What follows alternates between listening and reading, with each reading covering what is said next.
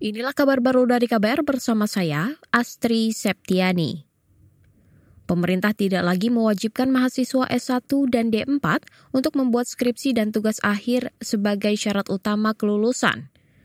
Menteri Pendidikan, Kebudayaan, Riset, dan Teknologi atau Mendikbudristek Nadiem Makarim mengatakan, kebijakan itu tertuang dalam peraturan Mendikbudristek tentang penjaminan mutu pendidikan tinggi. Itu disampaikan Menteri Nadiem saat rapat kerja dengan Komisi Pendidikan DPR. Penyederhanaan kompetensi lulusan juga kami ubah sehingga sekarang mahasiswa S1 atau D4 itu pemerintah tidak lagi yang melakukan pewajiban daripada membuat skripsi atau tugas akhir itu diberikan kewenangannya kepada masing-masing perguruan tinggi. Itu tadi Mendikbudristek Nadiem Makarim.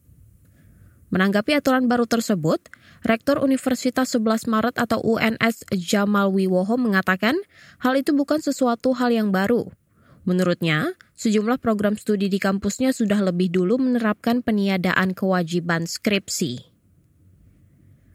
Saudara kita beralih ke informasi pemilu. Kabar pemilu. Kabar pemilu.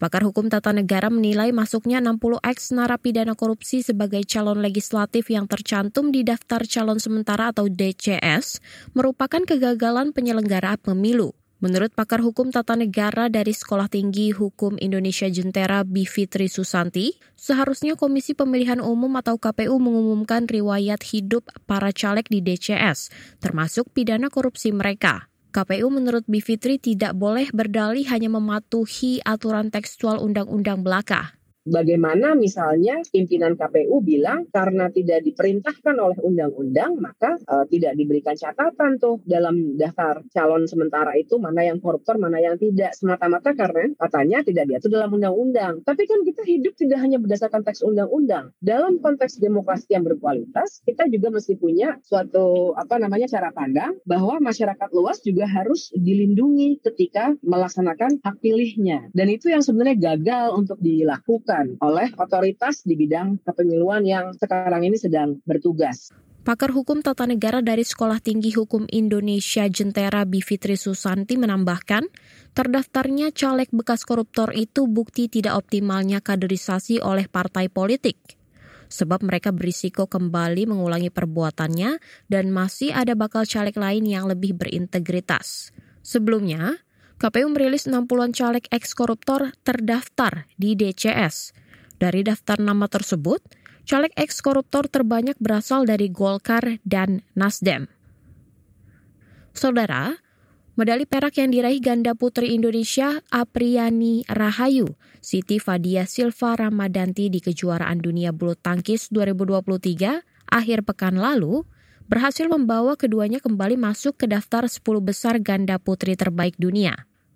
Mengutip daftar peringkat pemain resmi BWF yang dirilis hari ini, Apri Fadia naik 4 langkah ke peringkat 8 setelah sebelumnya berada di ranking 12 dunia.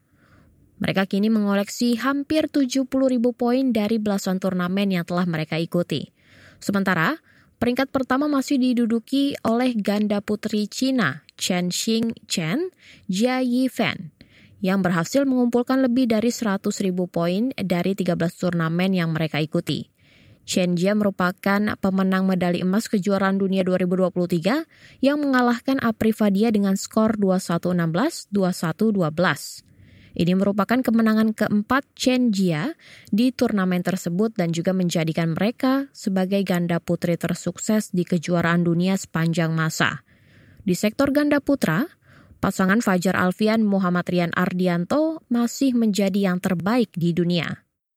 Inilah kabar baru dari KBR bersama saya, Astri Septiani.